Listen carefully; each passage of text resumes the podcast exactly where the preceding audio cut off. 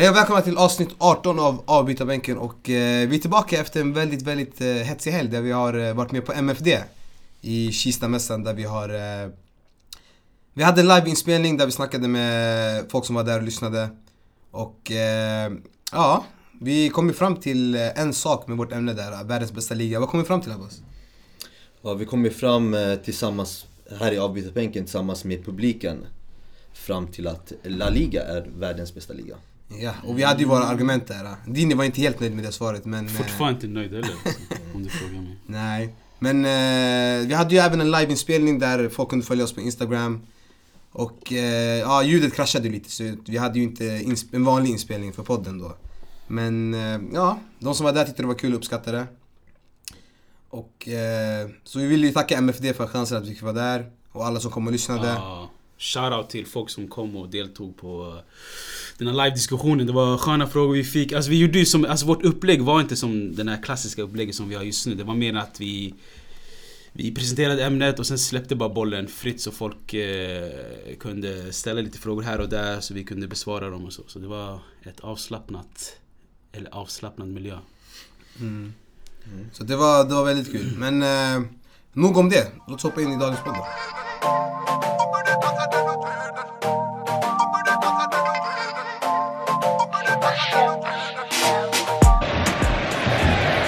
Throwing his body in. It's going to fall for Ibrahimovic. Oh, come on! Come on! Come on! Eller hur var den så? you have been slapped. Zlatan har ju tagit över LA med stormsteg. Ligan heter ju MLZ nu. Inte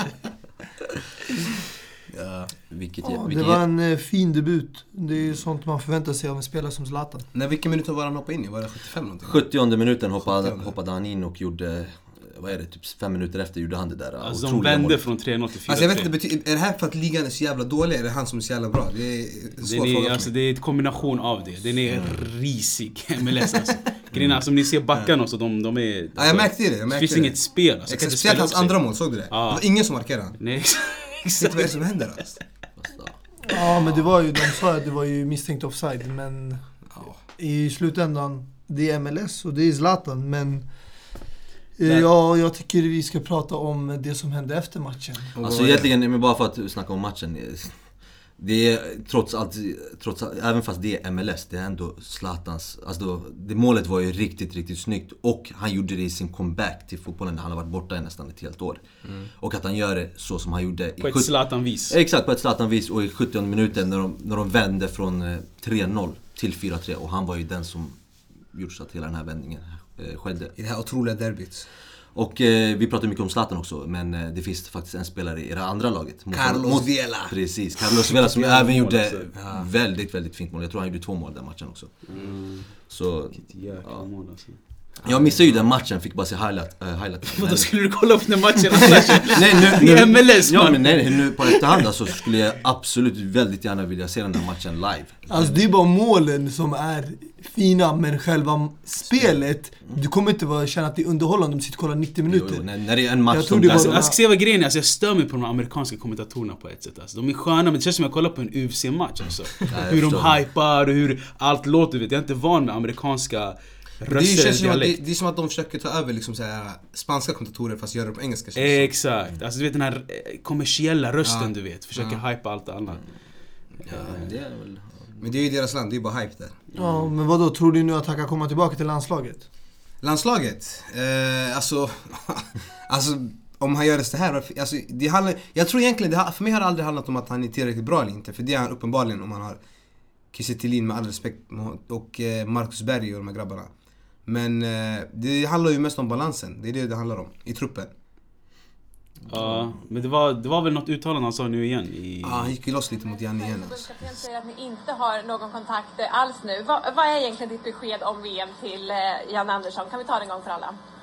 Vi kan ta det en gång för alla. Han borde fokusera på laget och inte på mig. Det är vad han borde göra. För om du förlorar två matcher, då ska du inte fokusera på mig, även om du får frågan om mig. Fokusera på laget, för det är något stort som kommer att hända till sommar. Han har lyckats ta laget till VM. De säger det är en bragd. För mig en bragd om du vinner VM. För det har inte börjat än. Att vara i VM är en självklarhet i mitt huvud. Ja, eh, det är ett eh, modigt uttalande av Zlatan med tanke på att han inte ens är del av landslaget och han säger att Janne borde fokusera på landslaget.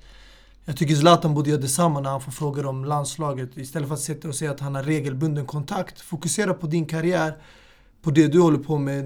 Han, han fick en fråga om det här när han höll på att göra en flytt från United till Galaxy. Och sen det där med att det är en självklarhet att Sverige ska vara med i VM. Alltså om jag var journalist och satt där, då hade jag frågat honom om det är en självklarhet. Varför var inte Sverige med i VM 2014? Eller 2010? Jag håller med honom, det är ingen bragd att man kvalar sig till VM. Men att du ska sitta och säga att det är en bragd att vinna VM, för det har liksom Sverige aldrig gjort.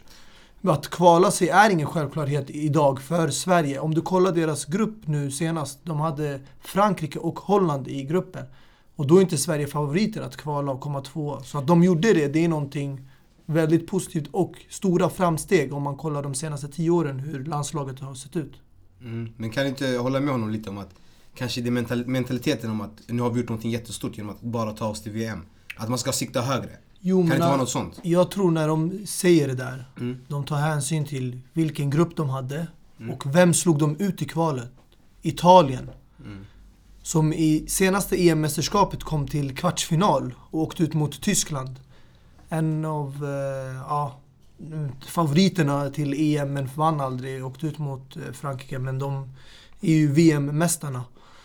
Så man ska ändå visa lite respekt för landslaget för det de har eh, liksom, liksom åstadkommit tillsammans när de har byggt ett nytt lag. För Janne också har fått med många nya spelare nu i landslaget. Många nya ansikten. Och det är ett yngre Sverige som vi ser idag. Ja, och jag känner att det här uttalandet eh, utesluter hans återkomst till, eh, till Sverige då. Och eh, förutom uttalandet så är det ju även ett... Sverige har, ett, har ju en spelidé där man ger 100% i, i varje position och Zlatan passar kanske inte direkt in där. Alltså, han måste ju få en annan roll om han nu ska komma in i laget, vilket jag även inte ser. Så jag ser nog att det med största sannolikhet inte kommer bli en återkomst av Zlatan. Alltså grejen är här, alltså, vi ifrågasätter inte Zlatans kvaliteter. Alltså. Kolla vilket mål han gör efter en sån här allvarlig skada i hans ålder. Zlatan är sjuk i huvudet. Han är bland de bästa vi har skådat. Men problemet är, i Sverige, när han väl spelar i svenska landslaget, det kretsar kring bara honom. Jag tror det skulle vara en helt annan grej om man hade, säg, en eller två stjärnor bakom honom i svenska landslaget. Säg en Verratti i Sverige, eller en eh, Thiago Silva i Sverige. Då skulle hela spelet kunna du vet, balanseras på ett eller annat sätt. Men om du har en så stor stjärna i Zlatan i Sverige som liksom slår ut alla andra spelare.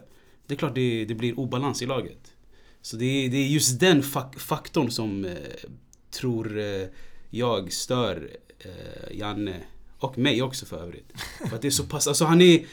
Det, det går inte att jämföra hans storhet jämfört med de andra spelarna. Tror du själv, tror du det är Janne själv som inte skulle vilja ha med honom eftersom att han känner att det stör truppen? Eller tror du truppen själva som har sagt ifrån? För jag tänker vilken tränare skulle inte vilja ha med Zlatan?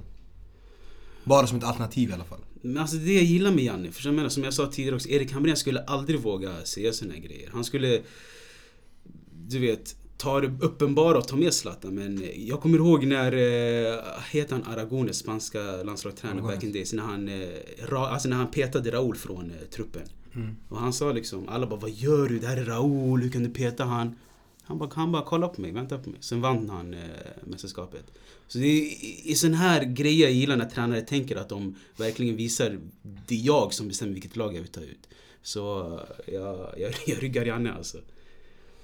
Ja, jag har inget mer att tillägga. Jag tror inte det är möjligt för honom att komma tillbaka till landslaget. Jag känner att de har byggt ett lag som de vill fortsätta med. Och eh, att ta in nya ansikten nu, så här nära VM-mästerskapet, det kommer vara eh, inte en bra idé med tanke på att de har haft nu sista träningslandskamper. Och det kommer störa nog lagkemin. Och plus Janne, Janne har varit eh, rätt tydlig med att han vill eh, Alltså ge de flesta spelarna chansen, de som har varit med och tagit med Sverige till VM. Det är, det är bara rättvist. Så, eh, det, jag tror det han också mycket går, går på. Och sen så känner jag också att i och med den här flytten till LA Galaxy så är kanske Zlatan inte längre den här världsanfallaren som han en gång var när han var, spelade i toppligor, eller topplagen i Europa. Så det kanske underlättar för Janne att inte ta med honom. Men grabbar, jag har en fråga till er. Eh, Zlatan som ändå blir eh, 37 nu i oktober va? Är hans karriär i Europa, är den över eller? Tror ni det? Alltså det beror på vad du definierar Europa. Alltså Europa överhuvudtaget. Alltså han Jag kanske... tror, inte, jag tror inte, om vi säger så här, jag förstår att du vill gå. Jag tror inte han kommer gå till Malmö FF eller något sånt. Jag menar toppligorna. Alltså hur ofta Då- kommer en 37-åring tillbaka till Europa? Men det här är inte vilken 37-åring som helst, det är det jag menar. Nej men det är kört, för annars tror jag att han Du skulle, tror det? jag tror att, att han skulle spela en annan, eh, ett annat lag i Europa nu och sen Exakt. avsluta i LA Men kan inte det här vara ett sätt att liksom... Eh, för jag tänker om du kollar på, kommer du ihåg eh, Landon Donovan?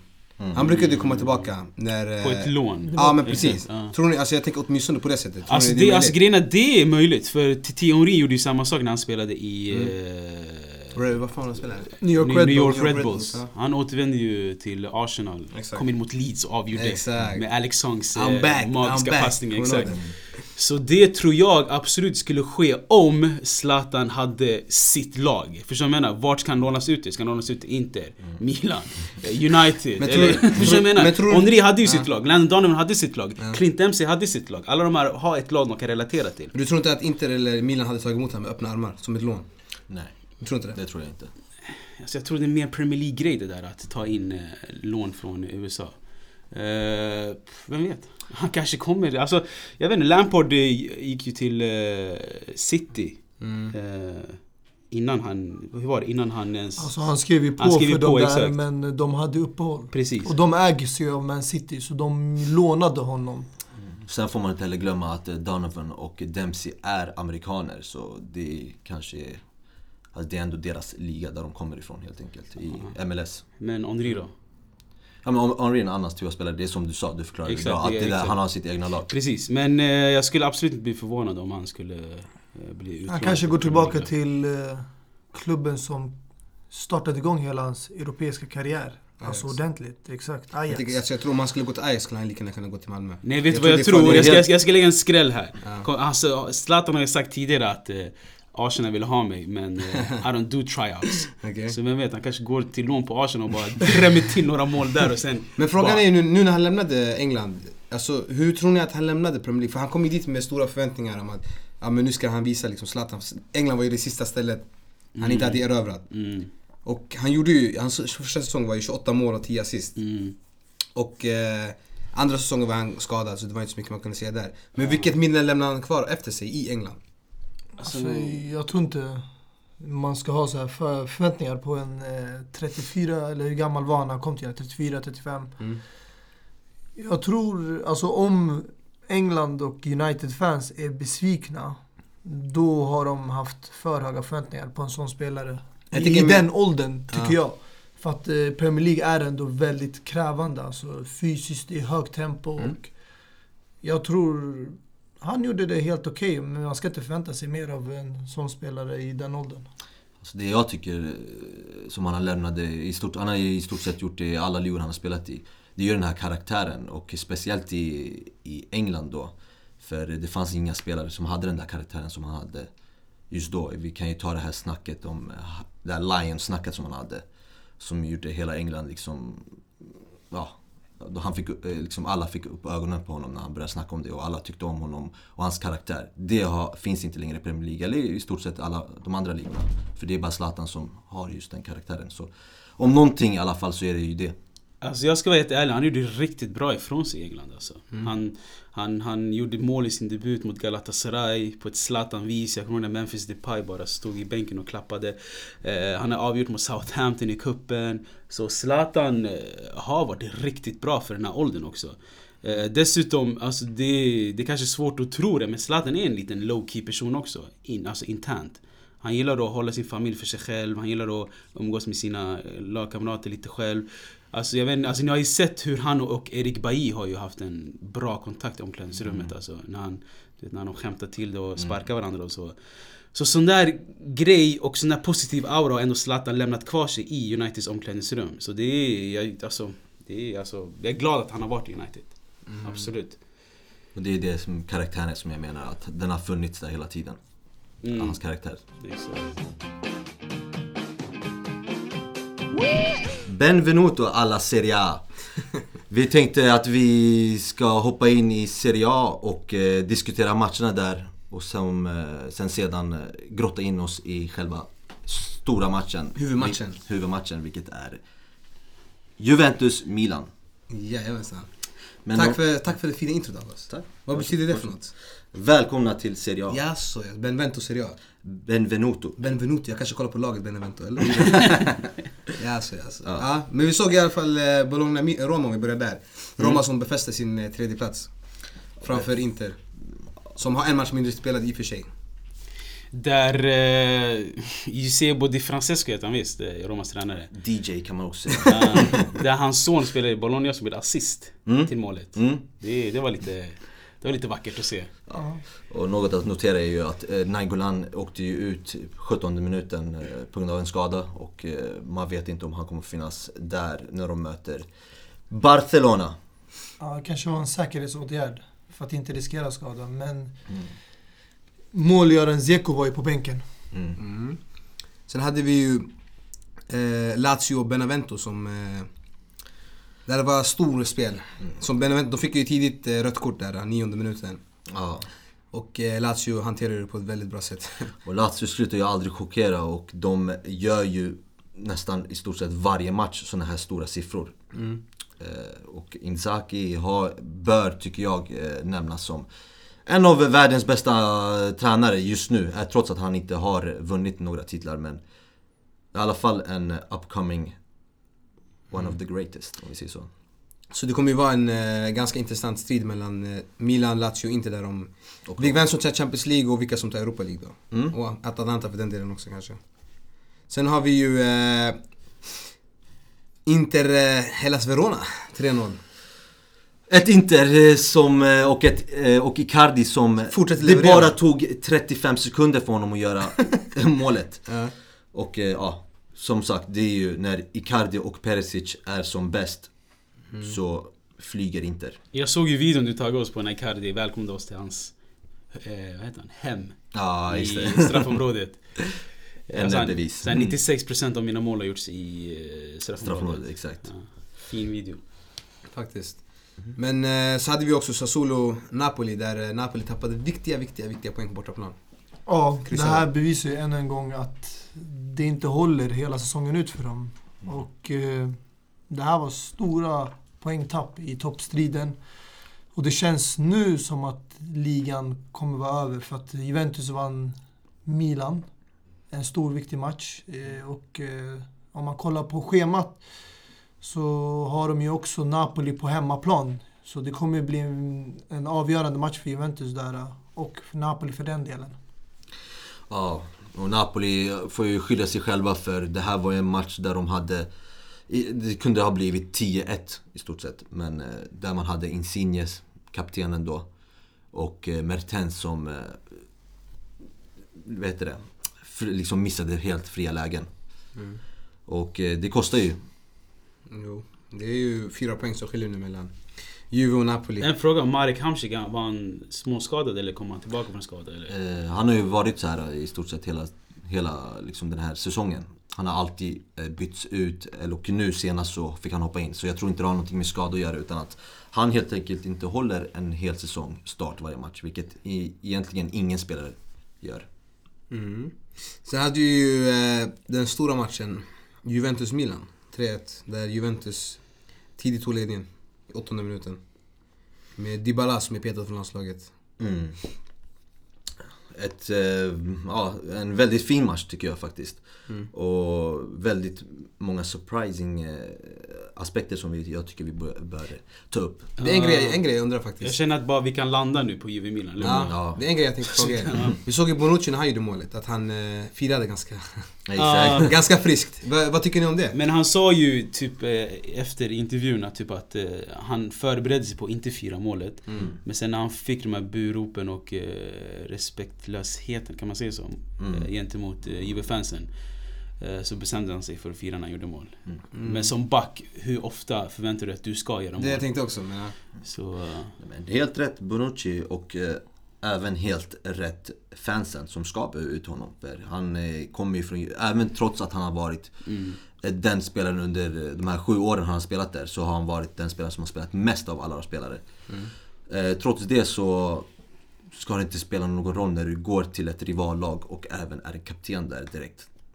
Det, det, du ska fort, eh, du ska ut honom helt enkelt. Ja, det är det minsta du ska Ja. göra. Det- Och att sedan om, om Bonucci firar, det är ju även helt rätt tycker jag också. För det, det visar bara att du har känslor. Men jag minns att vi har snackat lite om firning och såna grejer lite lätt förut. Men alltså, jag tycker...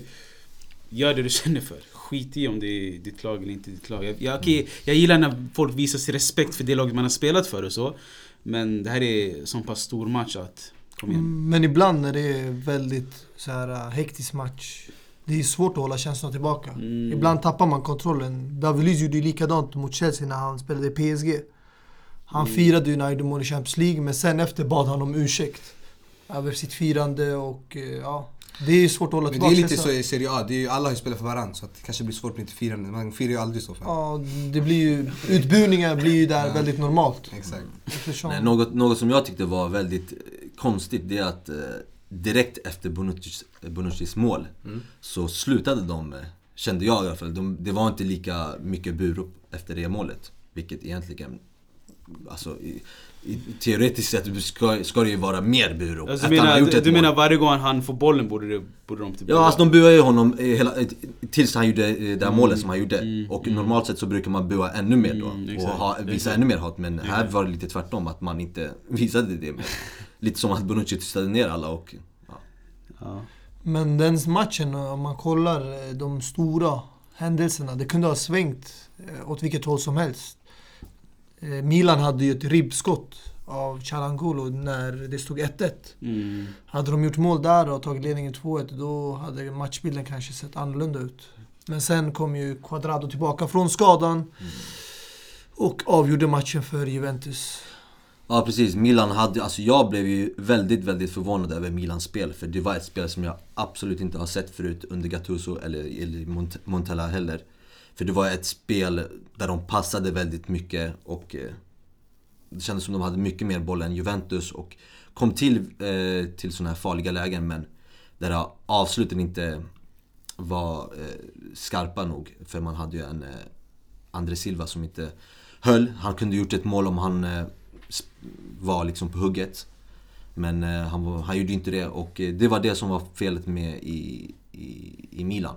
Till skillnad från Juventus som, som jag alltid säger, jag hyllar dem för deras spel. Att de alltid följer Alle, Allegris eh, liksom, spelidén som Allegri eh, säger liksom, implementera i laget.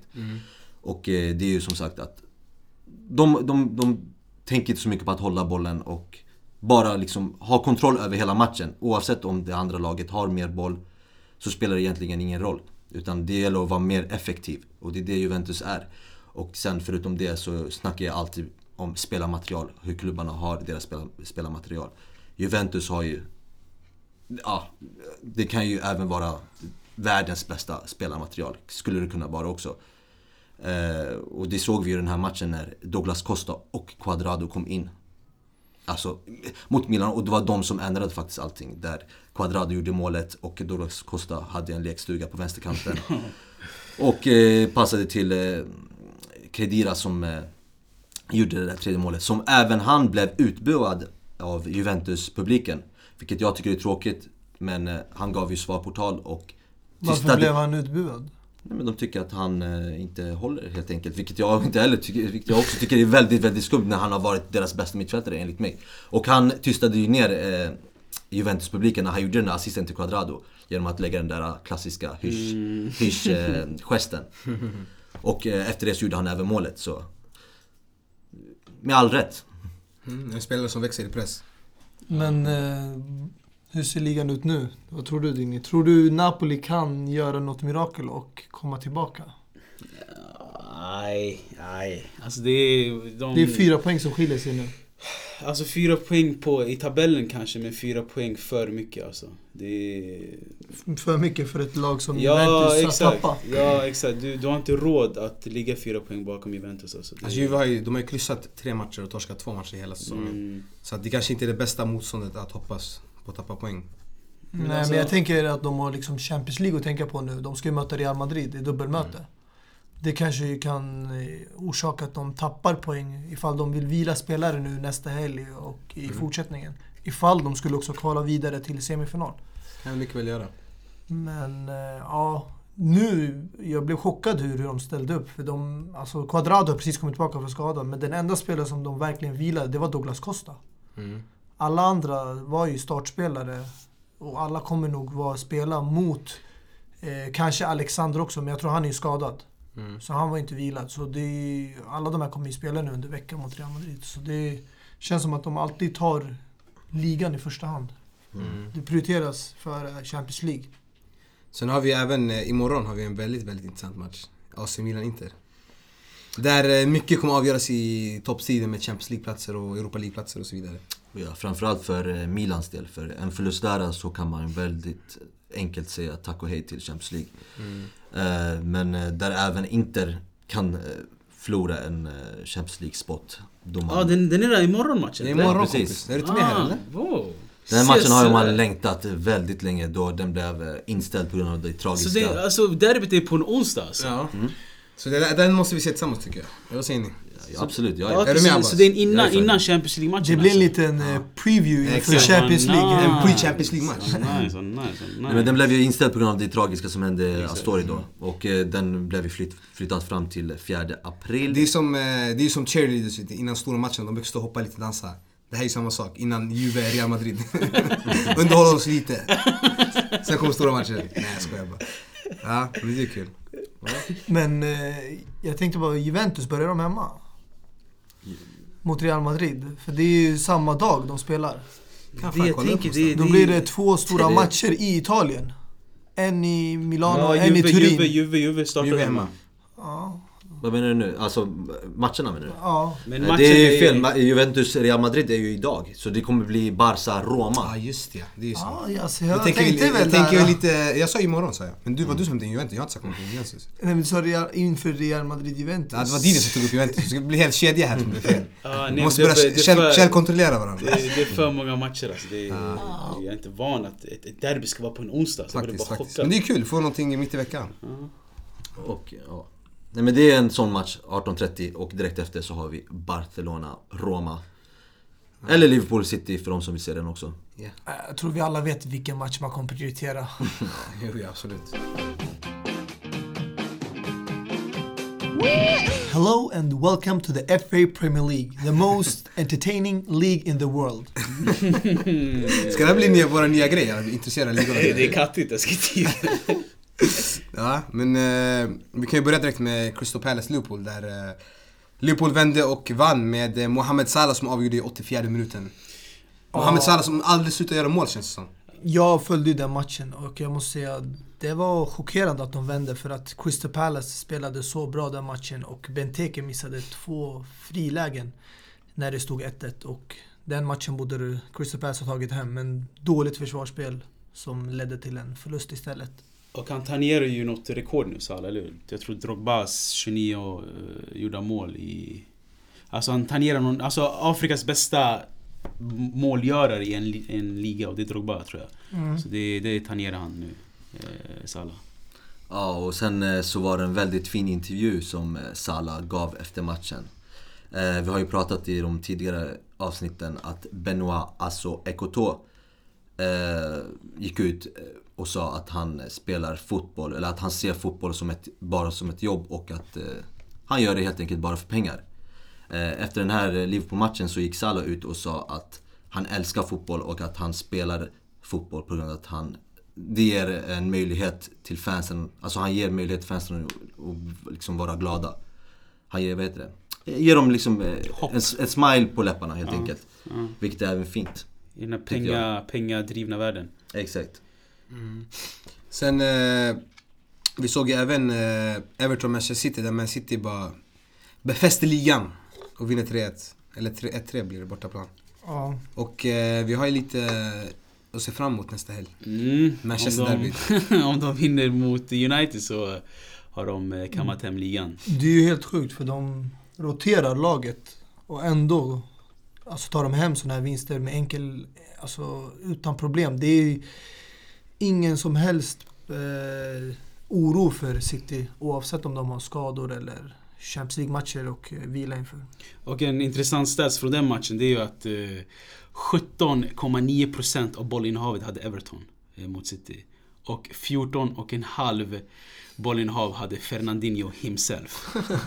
Bara det visar en klar spegel. Vi ser ju Guardiolas spelidé ganska tydligt. Ja, ja. Mm. Så hade vi även eh, Everton, eh, förlåt, Arsenal-Stoke var det, 3-0. Mm. Där Arsenal börjar komma igång nu. Och eh, Första gången eh, Aubameyang och Lacazette fick spela ihop. ja, och vi såg ju ett När väldigt han bra kom in samspel. från bänken. Eller hur Abbas? Och en väldigt fin kemi. Eh, Vi såg ju Pierre-Emerick Aubameyang sätta dit två mål. Och hade chansen att sätta dit tre mål. Eh, Men var osjälvisk nog och gav straffen till eh, Lacazette. Som fick sätta- sätta dit en straff. Och man såg bara själva kemin höjdes i det laget. Och väldigt fint gjort av Aubameyang. Tycker jag. Eh, Men någonting som jag tycker vi bör nämna är ju Stoke som ligger i, ned, liksom i botten, nedflyttningsplatserna. Och där man inte brukar se dem egentligen. De brukar alltid finnas där i mitten. Eller har jag fel grabbar? Du har helt rätt. Det brukar ju vara så. Men eh, det var ju deras eh, ja, diskutabelt bästa spelare, Sherdan Shakiri, gick ut och eh, sågade laget totalt. Han sa ju att, eh, eh, jämförde sina klubbar som han, som han hade innan med det här laget som han har nu. Han gick ut och sa att i Inter så hade jag Icardi och Kovacic. I Bayern München så hade jag Ribéry och Thiago. Och här har jag i princip ingenting. Och, att, och han tillägger, eh, tillägger även att Ronaldinho i sin bästa form inte ens skulle kunna göra något i Stoke.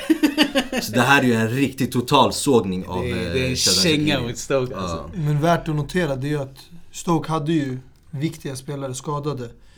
Choupo Moting, som har varit deras bästa målskytt den här säsongen. Vad heter han sa du? Jag bara hörde serien. Erik Maxim Choupo Moting. Han kom från Tyskland, jag tror tyska ligan var han inne. Han började Han var i Schalke. Exakt. Och sen den viktigaste delen i backlinjen, Kurt Zuma, var ju också skadad. Och det är svårt då. För övrigt, eh, vilken kemi Zuma och eh, Choupo-Moting har bakom, eh, eh, bakom, eller utanför fotbollsplanen. De har blivit riktigt tajta alltså. Det är kul att se.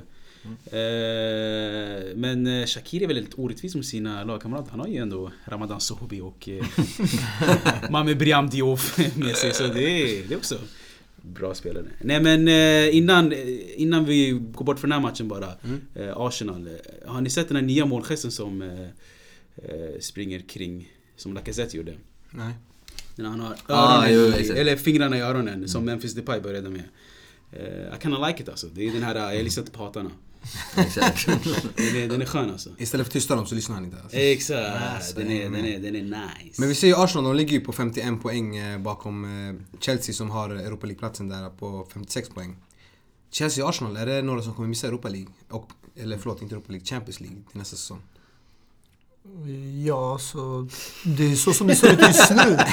Jag ville bara höra vad Mustafi säger. Nej, Nej, det, är, det, är, det är sånt som händer när eh, lag inte tar tag och eh, värvar spelare. Speciellt, eh, jag tänker då på Chelsea. Men Arsenal, jag tycker Vilka- inte, jag tycker inte Arsenal har tappat några nyckelspelare förutom Sanchez. Och man har ändå värvat in Lacazette, Aubameyang, Mkhitaryan. Alltså man har fått in en hel del spelare. Vad är det Chelsea har alltså, misslyckats med där menar du? Alltså det är ju två helt olika problem. Där eh, i Arsenal ligger problemet mer i deras spelstil och tränarens filosofi som eh, fans inte har varit nöjda med. Det sker inga ändringar på sättet hur de spelar och eh, spelarna är inte helt enkelt motiverade och kanske spelar för den tränaren. De behöver en förändring. Medan i Chelsea har det varit att man har tappat stora nyckelspelare. Och eh, tränaren har inte fått eh, det han behöver materialet för att kunna utmana topplagen. Du kollar bara på liksom City. Vad de har för lag, vad de har värvat. Kolla på United som eh, vann 2-0 nu mot Swansea. Som har varit i het form och vunnit lag mot Arsenal, Liverpool. Men Det är sånt som händer. Och Sanchez fick ju göra sitt första spelmål. Så du ser ju liksom nu det här stora förvärvet som de fick nu i januari börjar komma igång. Det kommer bara vara positivt för dem framöver. Börjar betala av sina 4 miljoner i veckan va? Mm. Det är bra. Ja, och vi kan ju fortsätta med Chelsea Mustafa, där vi såg eh, London-derbyt. Där det såg ut som att eh, Chelsea tog en tidig ledning i alla fall. I 30 minuten med Morata. Men eh, sedan fick smaka på smisk av Tottenham. Vilket jädrans mål Eriksen gjorde alltså. Mm. Det var en, eh, en riktig balja va? alltså bågen på den alltså var ridiculous. Alltså, den vippade ju, alltså man såg den så här direkt live så kändes det som att det var Den kom på någon. riktigt... Gjorde det? Jag trodde, trodde den kom på någon först men Ja exakt, bytte. exakt, exakt. Ja. Och sen men eh, faktiskt, sen när man kollade reprisen så kände jag också att det kanske var en liten slight eh, tabbe av eh, Caballero. Ja men det sjuka är att sådana här dippmål brukar alltid söka sig mot krysset eller någonting. Exakt. Den här var nästan mitt på mål Mm. alltså. Det var det som gjorde målet till en Han kändes som en dvärg Caballero. riktigt Alltså jag tyckte Dele Alis mål var också riktigt fint. Ja, det där är ju Eh, riktiga- Där Eric Dyers eh, lång pass och sen bara kontrollen när han fick bollen sen ah, ah, och sen mål. ja, Det är, var... Mm. Det var fina mål Mustafa. Ja, men det är som sagt, man behöver inte upprepa sig varje vecka. vad felet ligger i. Alla vet ju redan om det och eh, det har man snackat om i flera månader nu. Jag tycker bara det var ett stort misstag av Chelsea att släppa spelare som hade etablerat sig i laget eh, som Batshuay Och eh, hämta in nya spelare som måste om, då börja om på nytt. Att hitta lagkemin och börja lära känna lagkamraterna. Speciellt när man är i en sån position som vi var i under januari. Då ska man fortsätta med samma trupp.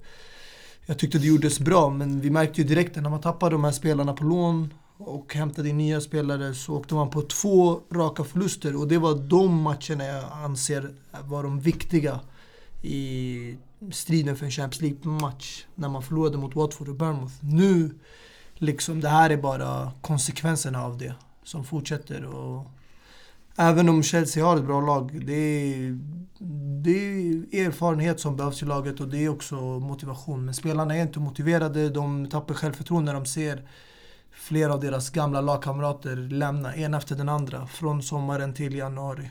Och det känns som att den här transition som så kallad man har haft sen eh, de stora legendarerna lämnade, det, den pågår fortfarande. Det ska inte hålla på så länge. Man ska kunna behålla de här stora nyckelspelarna och bygga vidare från dem. För det är liksom pelarna i laget. Men om man byter ut pelarna så faller ju bron, eller hur? Ja, och det verkar vara tydligt att Chelsea inte är nöjda med sina två nummer nio de har. De tog ju in en eh, ganska så oprövad eh, Calum Hudson Odoi. Född 0-0 istället för Morata i 88 minuten. Och så är det O'boy.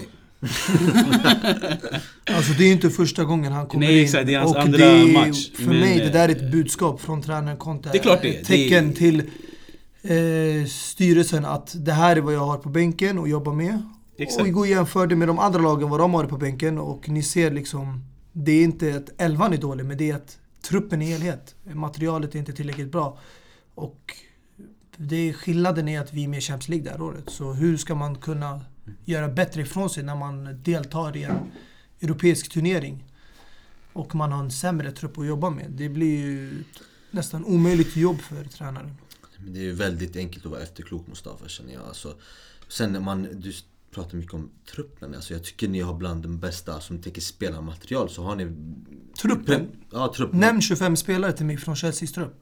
För det är en 25-mannatrupp du har i både Champions League och Premier League. Ja, Och jämför det med förra året. Och skillnaden är också att vi är med i Champions League det här året. Det var inte vi förra året. Då kan vi säga samma sak om Tottenham. Vilka har de i truppen? Ni har ju mycket större och bättre trupp än, än eh, Tottenham. Och trots det så hade de inte även Harry Kane i, i den matchen. Bortaplan Men mot nu du Chelsea. pratar om en match. Så, nej, jag bara säger, Men vilken- det, det, är mer grejer som, Nej, men som man ska ändå- lyfta fram istället för truppen känner jag. Det är Alltså- ju Conte i stort Alltså, sett. men som Självklart, är- men nu när vi snackar om truppen måste jag ändå hålla med Mustafa lite. Det är ganska gles trupp här. Mm. Där de inte har så bred trupp som man tror de har alltså. Och de är ju med i alla, eller har varit med i alla eh, turneringar. Så det är... Alltså, Jag håller- det, jag det, det du inte glömmer bort, det handlar inte om trupp. Nyckelspelare. Du pratar om Tottenham. Vem har Tottenham tappat de senaste två åren? Vilken spelare har de sålt? Släppt. Du Gareth tänker... Bale. Men, ja. Gareth Bale var inte senaste två men åren. Kom igen, han lämnade tre, fyra åren. 2013. Fan, det är fan men en evighet sedan. Det var fem år sedan. Han hade hunnit vinna, vad är det, två Champions League-titlar? Eller tre till och med. en med Ancelotti och två med Zidane. Kom igen, du går tillbaka nu back in the days. Jag försöker säga att om Tottenham skulle tappa Harry Kane som vi tappade Diego Costa. Om Tottenham skulle tappa, Men du låt oss inte, Du säga kan inte jämföra Diego Costa med Harry Kane. vad han var för Chelsea. Vi vann ligan med honom, kom igen. Alltså jag Alltså- vill inte gå in på det nu djupt, men om Tottenham hade tappat exempelvis spelare som Harry Kane eller som Moussa Dembele, Eric Dyer eller Eriksen för den delen. Två sådana här spelare. Vi tappade bara Matic och Diego Costa, men sen förlorade vi också John Terry som var en legend som har varit längst i klubben mer än alla i hela historien och han har en stor del när det kommer till träningen och prata och motivera spelare i omklädningsrum. Det där är en stor faktor utanför planen som folk inte tänker på. Om Tottenham hade tappat alla de här spelarna, jag kan garantera det, de hade inte kommit topp 6. De hade hamnat långt utanför. Jag vet inte, jag tycker inte den truppen som ni Alltså jag tycker i alla fall, ja. Jag vet inte. Jag håller, ja, jag är lite- vet vad du försöker, jag försöker komma fram till det som du vill säga. Ja. Jag håller absolut inte med er två när ni säger att Chelseas trupp inte är tillräckligt stor. 25-manna trupp. Alltså, det är 25 manna av, av klassspelare. Exakt. Vissa har 25 manna trupp med kanske vad är det? 18 stycken som är klass och resten eh, liksom vem är klass? Vem är Jag klass? ska förklara för dig nu i klass. De har eh, en Morata som är start, om inte du vill ha honom, du har en Olivier Giroud.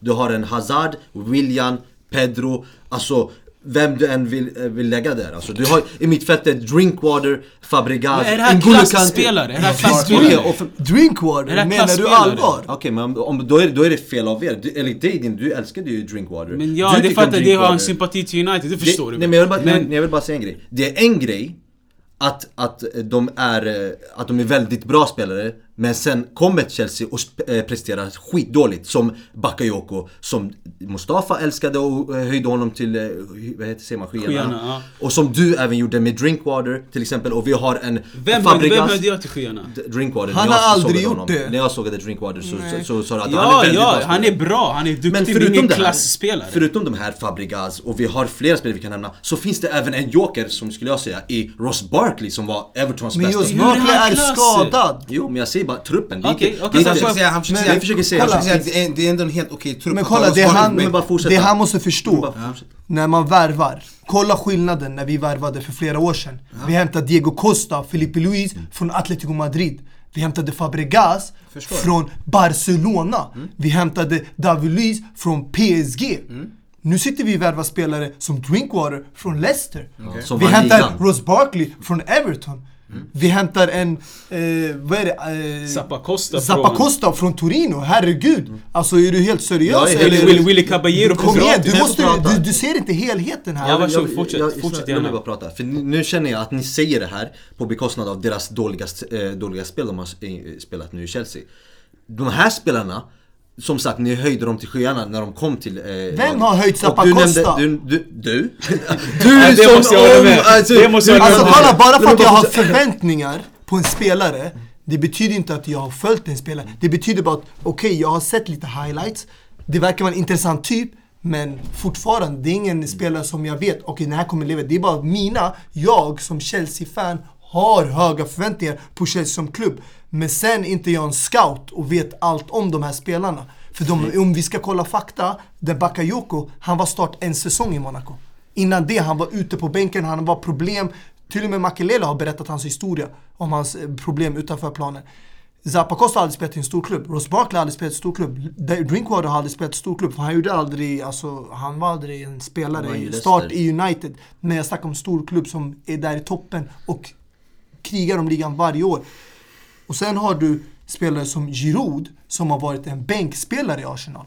Det här är ingen spelare som du kan hämta in och förvänta dig att han ska kunna starta och leverera. Det här är en joker som man tänker, okej han kan komma in i matchen och förändra matchbilden. Men han har varit bänkspelare under den mesta delen i Arsenal-karriären. Det enda stället han startade i, det är landslaget. Vilket är chockerande för mig. Och som du själv förut har alltid sagt, Mor- Morata har aldrig varit en startspelare i en annan klubb i Juventus Real Madrid. Så man kan inte ha förväntningar att han ska komma och göra en dundersäsong första året i Premier League. Och sen har han också varit skadad två och en halv månad. Så det där är någonting man tar hänsyn till för skadorna påverkar formen. Om du vill kolla de första månaderna, Morata gjorde, vad var det, 6-7 mål. Sen blev han skadad och fick en ryggskada och den har han haft med sig ett bra tag. Och nu börjar han komma tillbaka till form. Och han har gjort två mål de senaste två matcherna. Ja, jag, jag, jag, vet du vad, jag orkar inte gå in och nämna det här för eh, liksom, hur stor trupp ni har och vilka spelare ni har. För jag, jag känner att den frågan är väldigt löjlig. Och jag håller absolut inte med när det kommer till det. Du är den enda. Och sen, ja, Nej, jag okej. jag med. Jag har, jag Men ni har det. ju ingen koll på experterna i England, Sky Sport och journalisterna. För alla är medvetna om det. Och det är därför Conte får de här Jag, mig jag, jag kan hålla med om att ni gör konstiga värvningar men jag tycker inte ni har en dålig trupp. Ja, Men fortsätt Abbas. Eh, bara för att knyta ihop påsen så säger jag då eh, att du, du nämnde att ni inte värvar som ni gjorde förut. Eh, när, när vi tänker pengamässigt så värvar ni mycket mer än vad ni gjorde förut. Och eh, som sagt, det är väldigt enkelt att vara efterklok. Det är så. Men jag vill inte såga dig nu Mustafa, men när de här spelarna ryktades till er och när de kom eh, Vi kan ta Morata till exempel, så du har alltid tyckt att han Ja, du trodde helt enkelt att han skulle bli världens bästa anfallare. Vi har andra spelare som kostar ganska mycket men som kanske inte har visat lika mycket. Eh, som eh, den här Emerson som kom precis in. Som du även nämnde, jag tror till och med vi spelade in det i ett avsnitt som du, där du sa att han skulle bli världens Ja, bästa men får jag vänsterback. fråga dig fråga? Har han spelat? Nej, nej, jag bara säger att det här är väldigt, alltså, peng, alltså spelare som är stora och köptes för stora pengar. Zappacosta även det. Ni har, ni har spelare som täcker varje position. Minst en spelare. Så trupp, truppmässigt så håller jag inte med just den frågan. Annars, Truppmässigt, alltså jag förstår Alltså jag kan säga så här. Alltså kolla, låt oss bara eh, säga kortfattat. Han själv har kritiserat de här köpen. Han sa själv, Emerson var aldrig en startspelare i Roma. Han var i bänk. Så hur ska man förvänta sig att han ska komma och starta för en spelare som Marcos Alonso, som enligt mig är en av få Chelsea-spelare som har gjort det jättebra i Chelsea och är en spelare som är eftertraktad i hela Europa och gjorde sin landslagsdebut nu. Det här bevisar bara att han har varit bra. Så att M ska komma in och starta. Han har inte ens varit start i Roma. Han fick starta delvis och sen har han varit skadad. Du glömmer bort att spelare som Emerson och Ross Barkley kommer från en lång skadeperiod. De kan inte komma och cementera en plats. Och sen, det är helt rätt. Dagens marknad, Spelare kostar jättemycket. Det spelar ingen roll om du köper en riks, alltså stor stjärna, då kommer han kosta en miljard. Men köper du små spelare, de kommer kosta 20-30 miljoner i dagens marknad. Men du glömmer bort också vilka vi har sålt och för vilka summor. Alltså det jag säger är Tottenhams trupp, det är inte heller, alltså jag säger inte att de har stjärnspelare och så heller. De- Det är liknande trupper men Tottenham har en mer sammansvetsande trupp. Exakt. Säg, säg Harry Winks, om vi jämför Harry Winks och Ross Barkley.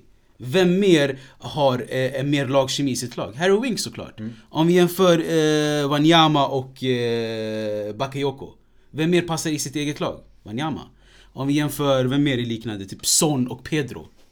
Son har ju mer samspel med sitt lag. Eller Det- Alderweireld. Ja, Toby Alderweireld mot... Gärna mot eh, Rudiger som Ja, precis kommit Rudiger, till exakt det är det jag menar. Den här lagkemin som folk vill bortse ifrån är jävligt viktig. och underskattad absolut. Och underskattad. Alltså, Så det det, det, inte- det är det Tottenham har och det är det Chelsea har det saknat folk, den här det säsongen. folk glömmer bort, det handlar inte bara om kvalitet och bredd på trupp. Det handlar om att när du byter ut spelare så ofta som Chelsea gör, då det påverkar lagkemin. För att det blir nya lagkamrater, spelarna måste lära sig spela med varandra och det som, blir som att du bygger om nytt på varje gång. exakt, Och det blir svårt. Om vi hade haft samma trupp som förra året, jag tror vi alla vet att vi hade varit där uppe. Tvåa. Jag tror vi hade varit före alla de här som är i alla fall bakom City. Ja, jag håller med dig exakt Dini och Mustafa nu också när du säger det här att lagkemin är väldigt underskattad och det väger absolut eh, mer än det här att man har spelar, spelare i, i truppen, stora spelare i truppen helt enkelt. Eh, Innan vi bara går bort från den matchen, jag vill bara nämna en rolig grej som jag hörde kommentatorn sa, Martin Tyler, när Dela Ali nickade in målet för Juris. Han bara There's no go för Ugo. alltså, Hugo Juris, no go för Ugo. Det var så stämning alltså. Det var roligt att bara nämna det. Vi avslutar på den goda tonen då. Bra känslor. och gå vidare. Y bienvenidos a la liga. Välkomna till eh, den bästa ligan enligt mig och många andra. som vi snackade om tidigare. Vi hade ju eh, ett par matcher som eh, var heta där i La Liga. Där vi såg bland annat, om vi börjar med Barcelona. Som jag ska berätta en liten rolig historia till er. Jag var ju på ett bröllop den dagen. eh, när Barca Sevilla spelade. Och eh, missade tyvärr mycket av den matchen. Jag såg ju, det började plinga på mobilen. 1-0, 2-0 Sevilla. Jag tänkte fan alltså nu har jag tappat den här eh, sviten. Men sen där vid 87 någonting bara pling! ser jag Suarez. 2-1, jag bara shit! jag satte mig där i ett hörn, satte på matchen på Viaplay och satt och kollade. Och exakt när jag eh, kommer in på matchen liksom, då ser jag Lionel Andrés Messi som bara sätter en PA! I hörnet. Och eh, man bara såg Dennis, Dennis Suarez bara backade undan. Han bara ta den Messi, det är ingen fara, ta den. Och jag bara satt där och skrek för mig själv, de bara fan vad, är det han som gifte sig eller? Så jävla glad han är. Nej men det var, det var, det var, det var skönt att kunna behålla sviten. Och nu är det en match kvar mot Leganes. Sen är det, så har man eh, kommit ikapp eh, Real Sociedad som hade den sen, var det, säsongen 79-80 tror jag det var. Ja, exakt. 38 matcher. Och eh, ja, viktigt, viktigt, viktigt. Men Abbas, du som eh, såg hela matchen. Vad tyckte Absolut. du om eh, helheten? Det var en väldigt fin match men en väldigt, hur säger man? En match där väldigt många misstag skedde. Och där man hade ett Sevilla som förvånansvärt spelade riktigt, riktigt bra och kunde ha vunnit den här matchen. Ja, även där 10-0 faktiskt. Eh, Men där man hade spelare som Luis Muriel som missade väldigt många eh, chanser. Och eh, det är det som var felet i Sevilla. Att man hade för många chanser och eh, liksom situationer där man kom tre mot två, tre mot en, två mot en och även en mot en. Liksom mot målvakten. Eh, Men där man inte tog vara på chansen och gjorde mål. Och det, det är något som eh, man absolut inte kan göra mot ett Barcelona.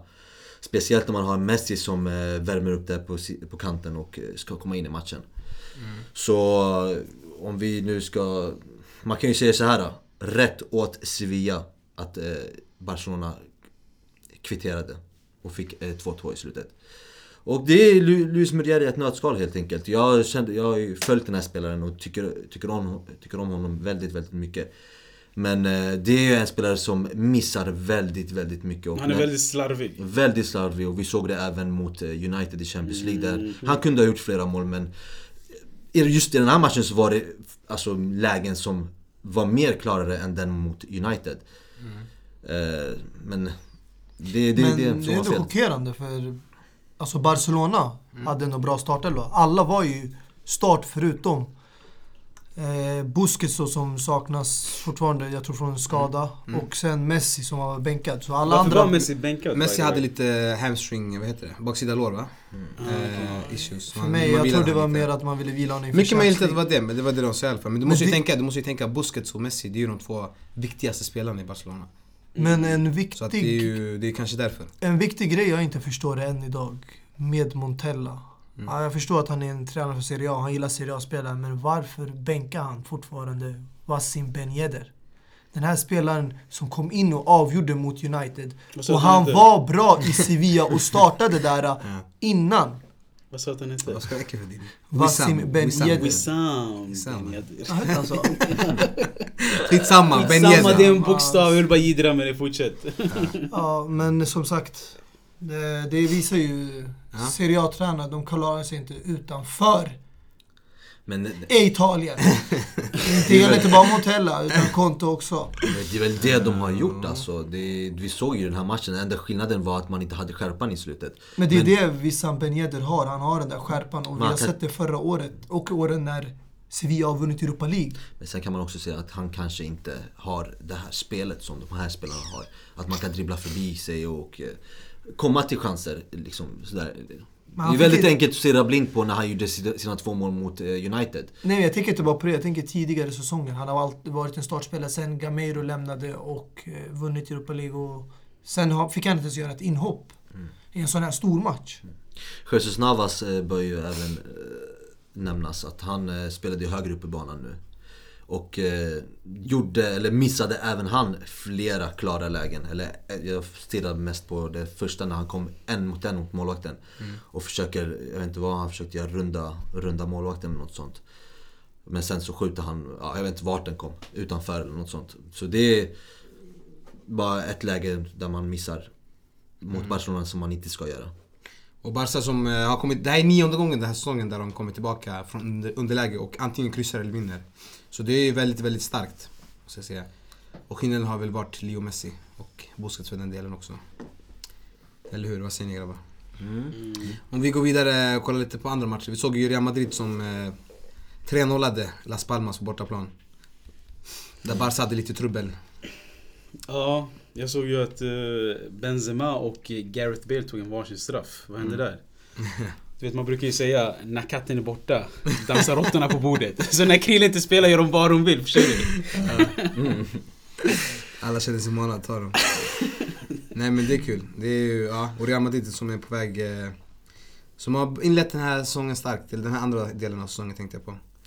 Ja men alltså, alltså det är inte bara det, alltså, man hade ju även, eh, jag unnar ju verkligen Real Madrids trupp och eh, eh, man hade ju Sergio Ramos och Isco som vilades på grund av eh, känningar. Eh, medan Ronaldo, Toni Kro- Kroos och Marcelo vila- vilades helt. Och förutom det så hade man även eh, Carvajal som saknades på grund av sin skada. Så det här är ju stora namn som var borta men åter möjlighet för andra att kliva fram. Som till exempel, eh, ja, de här Lucas, eh, Vasquez och Asensio. Och vi såg Nacho som spelade, som skadades va Dini eller? Var inte det så? Att han Jo. fick sin första Exakt. skada någonsin. Hela sin karriär. Mm. Känn på den Jack Wilshere.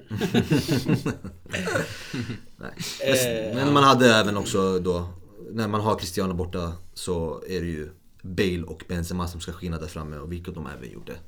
Alltså ändå skön trupp som Las Palmas eh, besitter måste jag säga. Alen Halilovic, den gamla Barca-talangen. Eh, och Alberto Aquilani. Eh, som jag gillar mycket. Mr X. Ja exakt, det var Milans Ja, Mr X, eller Mr X. Eller hur Abbas? Akilani. ja, ja, ja. ja. Eh, Så det är... eh, Ja. ja en, en, en skön historia med Aquilani bara som jag kan dra snabbt. Akilani. Aquilani. Inte Akulani. Är det Aquilani? Aquila heter Eller? Nej, skitsamma. Du, du verkar vara... Jag tror vi rätt- jag tror vi rättar varandra. Du, ver- du verkar vara kusin med killen så jag vet inte om jag uttalar det. Men i alla fall han, han spelade i Fiorentina. Eh, var han lagkamrat med eh, Manuel Pascal. Och Pascal var ju, eh, var ju kapten då i Fiorentina. Och Aquilani innan dess spelade i Liverpool med Gerard. Och Manuel Pascal som var då kapten i Fiorentina eh, sa till Alberto, han bara lyssna. Jag älskar Gerard, det är min favoritspelare så kan du fixa fram hans kaptenbindel så jag kan få spela med den eller? Så Alberto som god som handvän han är så fixade han fram Gerards alltså autentiska kaptensbindel till Pascal. Eh, och sen dess har han lirat med den. Så det är, det är en skön historia. Skön ane- anekdot. Exakt. Ja, men eh, som sagt, vi har ju, det är ju bara fyra, fyra poäng som skiljer mellan eh, Madrid-lagen. Och det kanske handlar lite mer om prestige, eh, vem som hamnar tvåa och trea. Men de möter ju varandra nästa vecka. Eller nu i helgen tänkte jag på. Mm, mm. Eh, en riktig såhär Serie A-tid, 16.45. Okej. Mm. Eller? eller, eller har jag fel Abbas? Ja, det beror på vad du menar. Det beror på verkligen på vad du menar. Nej jag skojar. Men Nej men de möter ju varandra nu och det är kanske en, en viktig match för Madrid-lagen. Oh, ja. Prestigemässigt i alla fall. Och Sevilla som eh, tappade viktiga poäng där och ligger på samma poäng som Real Betis som nu har tagit eh, Europa League-platsen. Och så har vi även Atletico Madrid som eh, tog eh, en 1-0-seger hemma mot Deportivo La Coruña. Cedorfs eh, lag. Ja, och Cedorf går ju ut efter matchen och säger att han är en vinnare. Vilket är väldigt konstigt när han, det? ja, när han inte har vunnit på sju matcher. Eller han har aldrig, han har inte ens tagit en enda vinst. Eh, Deportivo som ligger i bottenstriden där och... Eh, Men han går ut och säger att det är 27 poäng och att, eh, som finns kvar att spela om. Eller alltså ja, kvar att spela om. Ja. Kvar att spela om och... Men de har jag tror det är det han menar med att han är en vinnare och då måste... Tänker man som en vinnare så måste man liksom... Man måste tänka på de banorna för att kunna ta poäng helt enkelt. Jag, tror, jag tror det är så han menar. Antar jag. Eller så är det väldigt konstigt uttalande. Och hade det här varit Serie A så kan vi direkt konstatera att han skulle gått ut med... Fått sparken med huvudet före. Mm, de har ju åtta poäng upp till Levante här ser jag. Som eh, har den sista platsen kvar i La Liga. Willkommen zurück zum äh, Bundesliga. Eine Untersetzliga. Optimistfrage. Aber was sagst du, Abbas? Ja, eine Spaßliga mit interessante Dinge. Eh, danke, danke. Ich liebe Bundesliga. Fan, jag trodde vi lyssnade på en eh, tysk podd. alltså. Höll det eller? Min tyska också? ja, det var kattigt. Det var Lite kattigt. freestyle där på slutet. Ja, det var kattigt. Nej men... Eh, lika kul hade inte Borussia Dortmund på bortaplan mot Bayern München. Som vi hade va? Som vi hade, nej tyvärr. Det var tennissiffror. Känns som alla gjorde mål där. Mm. Och det här, eh, vi hade ju en intressant diskussion där i MFD. Där vi, det var flera i publiken som inte förstod mitt, mitt eh, vad säger- man, det som jag ville få fram i Bundesliga. I och med att det var bara, i princip bara Bayern München som levererar just i den ligan. Och det laget som ska hota dem, Borussia Dortmund, eh, Dortmund då, inte kan leva upp till förväntningarna när de, när de möter Bayern München.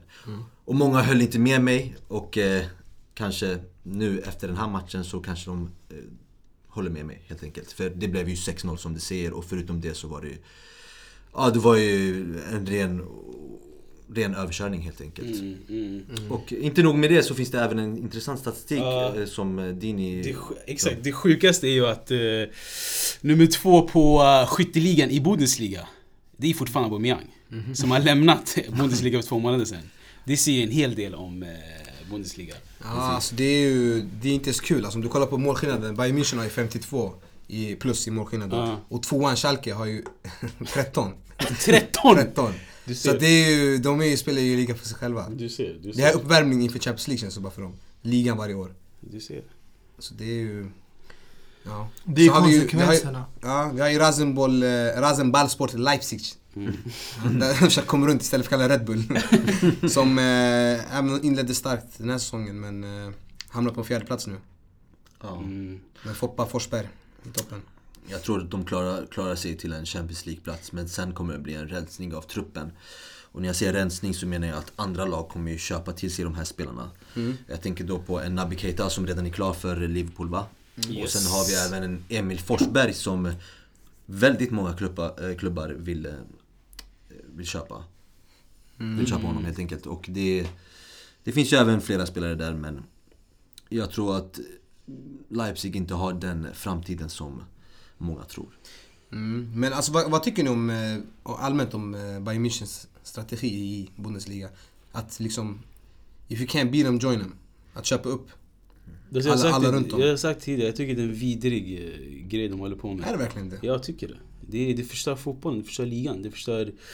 Jag vill, alltså jag, jag, jag söker efter en, på något sätt, ingen regel eller ingen lag, men på något sätt en, en, en policy som gör att du kan inte värva så många spelare som du vill från din egen, från dina egna lag. Alltså egna lagen i Bundesliga. För det förstör tävlingen, det förstör utmaningarna. Och de, de, de har ju även försökt värva Dortmunds tränare till eh, laget. Mm. Men han hade, han hade redan signat för något lag eller hur?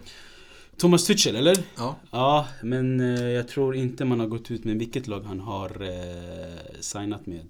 Men mycket tyder på antingen eh, Chelsea eller Arsenal. Men den förstnämnda tror jag är hans slutgiltiga destination. men eh, exakt, om, du, om jag bara får säga lite där som du frågade. Eh, grejen är att tyska spelarna vill gärna stanna i Tyskland. Precis som engelska spelarna vill stanna i England. Så om du vill utvecklas och bli den bästa spelaren i Bundesliga, självklart vill du hamna i Bayern München. Så Bayern München behöver inte göra så mycket för att värva de bästa spelarna till sitt lag. Det räcker bara med- att vara det bästa laget i Tyskland och det enda alternativet. Jag kommer ihåg att Dortmund hade ju en tid också och tävlade om att de också kunde värva spelare och så. Men de verkar ha tappat det en hel del. Så eh, det känns som det är en ensam, eh, vad heter det, monopol som eh, Bayern München driver i Tyskland. Eh, för övrigt tycker jag att eh, Hoffenheim kopierade Bayern Münchens slutresultat. Eller vice versa egentligen. Att Bayern München kopierade Hoffenheims slutresultat. För jag tror Hoffenheim spelade tidigare än dem. 6-0 vann de mot Köln. Eh, Serge Gnabry som var helt otrolig. Gjorde helt sjuka mål. Eh, även Mark Uth eh, gjorde två mål och två assist. Du? Mark Uth. Jag vill bara det igen. Ja, fortsätt. Eh, exakt. Så det är, Tyskland i sig är en jätterolig liga att kolla på.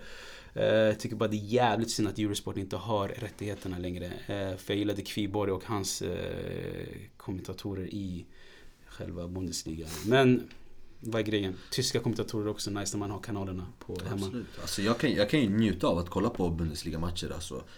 Jag sågar inte Bundesliga sätt att spela och så. Det enda som jag inte tycker är intressant i just den ligan, det är ju självklart det här med Bayern München, att de ständigt vinner ligan gång på gång hela tiden.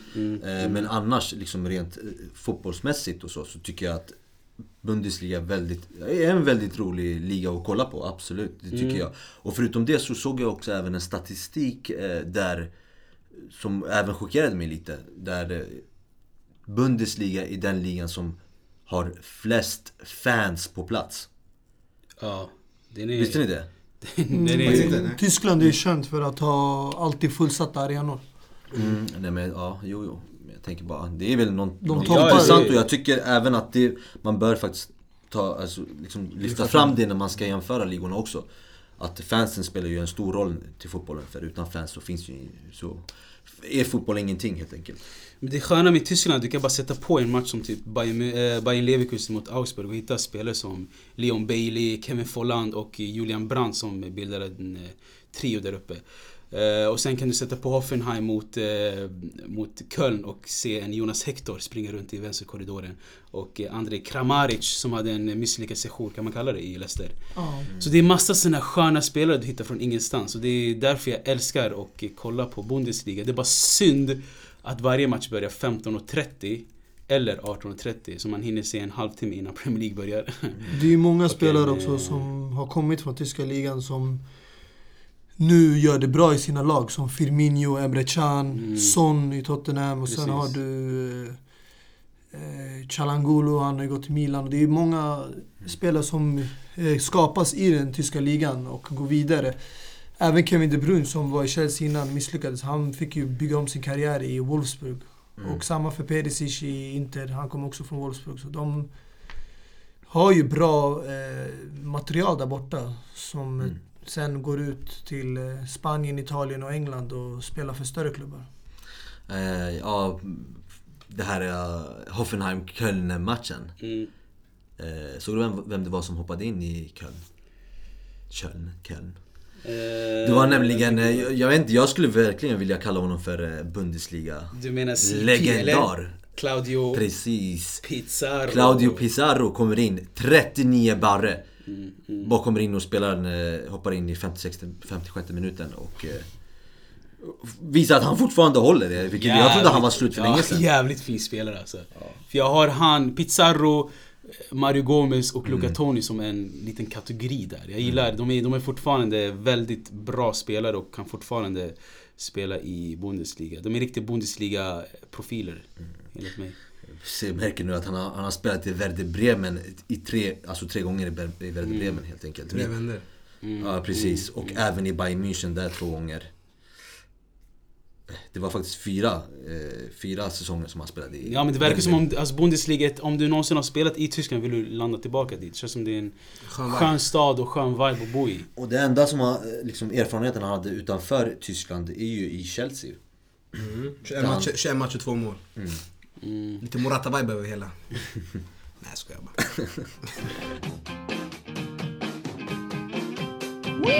Så har vi vårt eh, återkommande segment eh, Helgens lirare.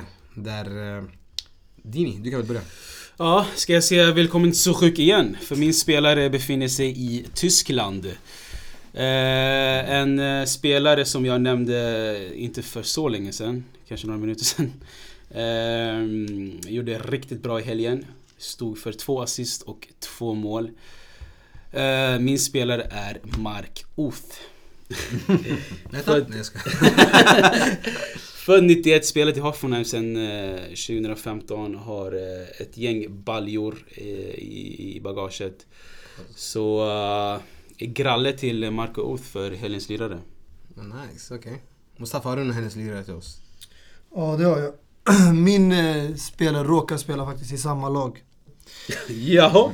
Ja, Jaha. ni kanske hörde Dini nämna honom tidigare. Det är Sergej Gnabry som kom från Arsenal och eh, inte lyckades där riktigt. Men eh, hade stor potential. Och eh, nu är han ju på lån ännu en gång. För han var ju lån också förra året, ett halvår. Och nu är det på ett års lån. Från Bayern München, eller hur? Eller? Eh, ja, exakt. Exakt, För. Bayern München köpte ju honom loss från Arsenal. Jag tycker det där var en stor förlust av Arsenal. Som eh, Istället, istället för Släppte en spelare sån och sen sitter de och kritiserar och klagar på spelare som Iwobi och Welbeck. Och de släppte även Walcott till Everton, också Chamberlain till Liverpool. Det här var en spelare med stor potential som man kunde ha behållit och han kunde ha vuxit in i den positionen och blivit en viktig spelpjäs för Ars Wengers mannar då. Men eh, det är någonting man kommer titta tillbaka och eh, kanske ångra sig att man sålde honom. För nu kommer han nog eh, ta över efter Ribéry eller kanske Robben där som håller på att bli gamla Mm, i det tror Bayern jag München. Det tror jag absolut. Intressanta val. Min... Eh, jag har inte kollat så mycket fotboll den här helgen om jag ska vara helt ärlig, men det jag har sett i alla fall. Mm. Det var ju en viss Zlatan Ibrahimovic som kom in i 71 minuten. Gör ett, ett mål vill jag inte kalla det, ett otroligt mål i 77 minuten. 78 minuten får ett gult kort och 90 minuten avgör LA-derbyt. Mm. Det är eh, för mig helgens lirare. Abusi, har du någonting till oss? Eh, självklart, det har jag. Och eh, jag har en väldigt fin spelare som förtjänar cred mer än vad spelarna som han har i truppen får. Eh, jag pratar självklart, det är kanske inte är självklart, men om vi riktar blickarna till Frankrike se? och Nice Ja. så har vi ett lag som är faktiskt stjärnspäckat skulle jag nog säga. Eller spelar, finns spelare med väldigt bra kvalitet.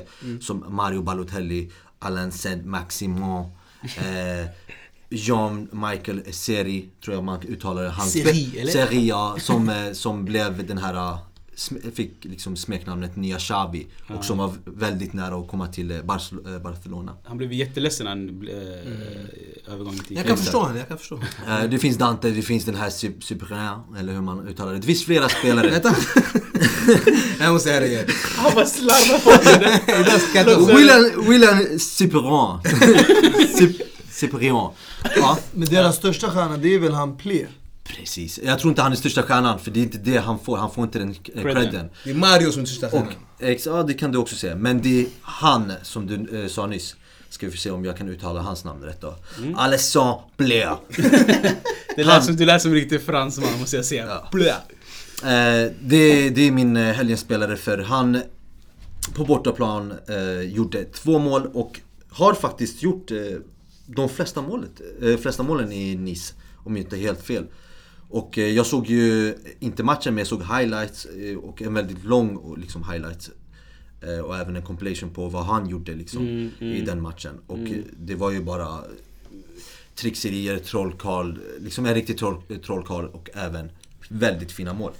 Så jag blir väldigt, väldigt förvånad om han inte spelar i en, i en stor klubb nästa säsong. Exakt. Har redan över 100 matcher spelade i Nice. Precis. Är 93, kommer från Lyon om jag inte minns helt fel. Mm, exakt. Eh, har faktiskt inte blivit uttagen för, till franska landslaget än. Vilket jag tycker borde han få chans, borde få Absolut. chansen. Värt att nämna är ju att Sergej Gnabry, han har gjort två landskamper för Tyskland och tre mål. Mm, exakt. Det är... Och han är bara 95 också. Så för att summera det. Vi har Mark Oth, Serge Gnabry. Eh, vad får jag säga på franska? Eller man kan säga på tyska också. Serge. Gnabry. Eh, Zlatan Ibrahimovic och eh, Alessandro Blö. Blö. Blö. Sen, eh, vi hade ju... vi hade ju vårat eh, live-framträdande på MFD där vi hade Bench Dior också. Yes, just det. Så det kan ju vara värt att nämna vem vi tog med där. Det var ju vår första mittback. Vi fick ju inget fint tal av eh, Dini som vi Nej, brukar få, tyvärr. vi, vi har ju en till chans på oss. Vi ska presentera Exakt. nästa mittback. Så ni får mitt... eh, min grej Ja. nästa gång. Men vi kan ju nämna vilka vi tog. Jag tog ju Thomas Vermaelen. Och jag tog Marco Materazzi. Jag, ja, Jag tog eh, Alex, den gamla Chelsea-backen eller? gamla Mm. Chelsea. Jag tog eh, Khalid Boularouz, Mm. vilket ingen tyckte om. Och publiken fick vara med och rösta där och eh, vinnaren blev ju... Alex. Alex. Med all rätt tycker jag. Ja. Ja faktiskt, det var ett väldigt bra val. Värt att nämna också att publiken själv fick eh, lägga till några namn. Vilka var det de tog med? Eh, Mexes var bland annat Mm, just det. ett namn som poppade upp. Eh, och sen var det... eh, Det var något namn till. Sanchez var ju också med där. Även fast han inte kanske var... Men just då så kanske han var faktiskt en bänkspelare. Sanchez vem? Det är nu han har I- tagit över i Tottenham och eh, skickat eh, Ald-. Alderweireld, ja. Så i, så, I bänken helt Mm, enkelt. mm, mm, Så. helt rätt. Men vinnaren blev Alex. Och vi har eh, ett lag nu med tre klara spelare, eller hur? Ja. Wojciech Szczesny, eh, Cicinho och eh, Alex. Så nästa vecka, är det, eller nu på torsdag, förlåt, Ja. så är det ju en till Den mittback. andra mittbacken. Jajamensan. Mm. Och eh, så har vi också... Ja, eh, bara snabbt bara. Ja. Eh, ni som hör, kommentera och, på Facebook om det är någon mittback som ni vill ha med på Bench Dior. Det finns på Insta och Facebook. Om ni inte vill outa er, finns på Gmail också. Avbytarbanken at gmail.com. Sen har vi ju även eh, nu idag, tisdag, och imorgon ett par grejer som händer. Mm, mm. Stora grejer, stora matcher, Stora namn. stora namn. vi har Juventus Real Madrid ikväll och eh, Sevilla Bayern München. Vi kan ju alla gissa vilka man kommer kolla på då. Och så har vi även imorgon har vi Barcelona Roma och Liverpool Manchester City. Den matchen, vem kommer ni kolla på då? Vilken match? Jag vet att du kommer på Barca Roma. Abbas, jag vill fråga dig. Liverpool City eller Barca Roma. Ja. Det är en självklarhet för mig att det är Barca Roma. Ja, men det, Han är ju Serie A-fan. Nej nej, nej, nej, nej, nej, nej absolut inte. För jag.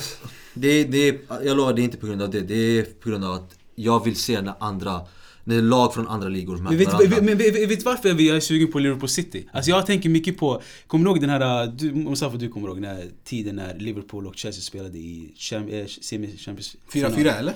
Den här när Aurelio och Alex bara drämde in frisparkar höger och vänster. Alltså anledningen varför jag vill se Liverpool City, det är inte bara för spelarna. Alltså laget i sig är bra. Tränare. Det är tränare med karaktär. I Barcelona, Exakt. Roma, det är Exakt. så här tyst vid sidlinjen. Det här du har Klopp som skriker, du har Guardiola som tar tag i spelare och är aggressiv. Ja. Det här, man ser mycket grejer utanför från sidlinjen och det kommer vara en hektisk duell mellan och- och- Guardiola och Klopp. Och jag, och jag är ju där för att kolla på Valverde. spelarna. Valverde som studerar Messi hur han ska... Som sitter bara på bänken och bara Messi, gå in och gör ditt jobb. Jag har inga instruktioner till dig. Absolut. Och jag, och jag kan bara se hur vi sitter här. Jag och Mustafa sitter bredvid varandra och Abbas och Yassir sitter bredvid varandra. Kanske medvetet. Ja, exakt. Så att eh, det är en helt annan eh, vibe, en helt annan feeling när två lag spelar i Champions League från samma liga. Så det, det kommer bli en... Eh, På tal om Juventus Real Madrid, hörde ni vad Allegri sa? Så. I'm finished coaching in Italy. Detta innebär att han ska Chelsea. lämna no. i Juventus. Du Om vad? det är den här sommaren, nästa sommar, det vet man inte. Men jag tror han har tröttnat efter fyra raka ligatitlar nu. Och vet du vad de sa när, de, när Zidane sa när de frågade honom om eh, Juventus? Om han skulle kunna coacha Juventus. Så sa han, varför inte? Eller inte varför inte sa han, han sa man vet aldrig. Han är ju spelat never där. know, han. Är ju en stor exakt. spelare som kommer Exakt, där. så you never know. Kanske det avsnittet kan heta You never know. ja. Men eh, det var väl allt från oss, om inte någon som har någonting mer att tillägga. Nej men ja, fin match, fina matcher idag och eh, onsdag så laddar man med Jajamensan, stor. Inter-derbyt, eller Milano-derbyt förlåt. Eh, och eh, får ni, självklart alltså man vill ju se båda matcherna. På Barca, Roma och Leicester, eller förlåt. Är det på, på, Ja, jag vet, vi pratade lite om Leicester innan. är det på San Siro eller Giuseppe Meazza? Eh, det är på San Siro om du tänker så. Jajamensan. Nej men eh, bara, alltså Kanske gör det lite sent men välkomna alla nya lyssnare. Alltså, eller tack för att ni har stannat kvar och lyssnat på avbytarbänken. Eh, och som sagt, shoutout till de som var på MFD och eh, Sprid vidare. sprid vidare ordet. Fan, bänken är stor nog för oss alla. Välkommen Har in i värmen vill jag säga. tips om eh, framtida saker vi kan diskutera, prata om ämne? Det är också bara skriva. Slänga iväg ett DM eller sms eller mail eller whatever. Ja, om du inte vill synas. Om du inte vill synas. Och vi hörs väl senare. Yes! Hörs! Bor Barn börjar dansa innan första vokalen, yeah. Innan go-go gaga. Och vi fortsätter tills Aina tar över haket, yeah. Tills nissarna gör razzia Svart klubb, det är massa rök i lokalen, yeah. Fine grades att klar Alla dricker som Valhalla, mjöd i glasen, yeah. Plus rom och vodka, uh. Trumman är farligt galet, kombinationer av toner som gör det magiskt. Inte misslyckat uppdrag men vi rör oss tillbaka Sen labba babba karnevalen tar över stan.